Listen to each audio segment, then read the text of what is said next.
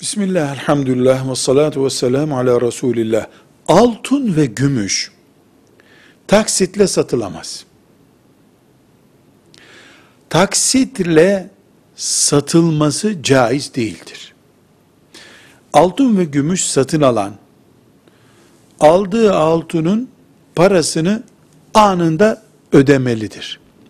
Akşam çocukla gönderirim dense bile bu bir taksitle satıştır. Akşama bile ertelenemez. Kredi kartıyla altın ve gümüş alınabilmesi için kart post cihazına konduğunda kuyumcunun hesabına anında para olarak geçen kart türü olmalıdır. Yani kuyumcunun hesabına nakit olarak geçecek şekilde parası hemen ödenen bir kartla kuyumcudan altın ve gümüş alınabilir.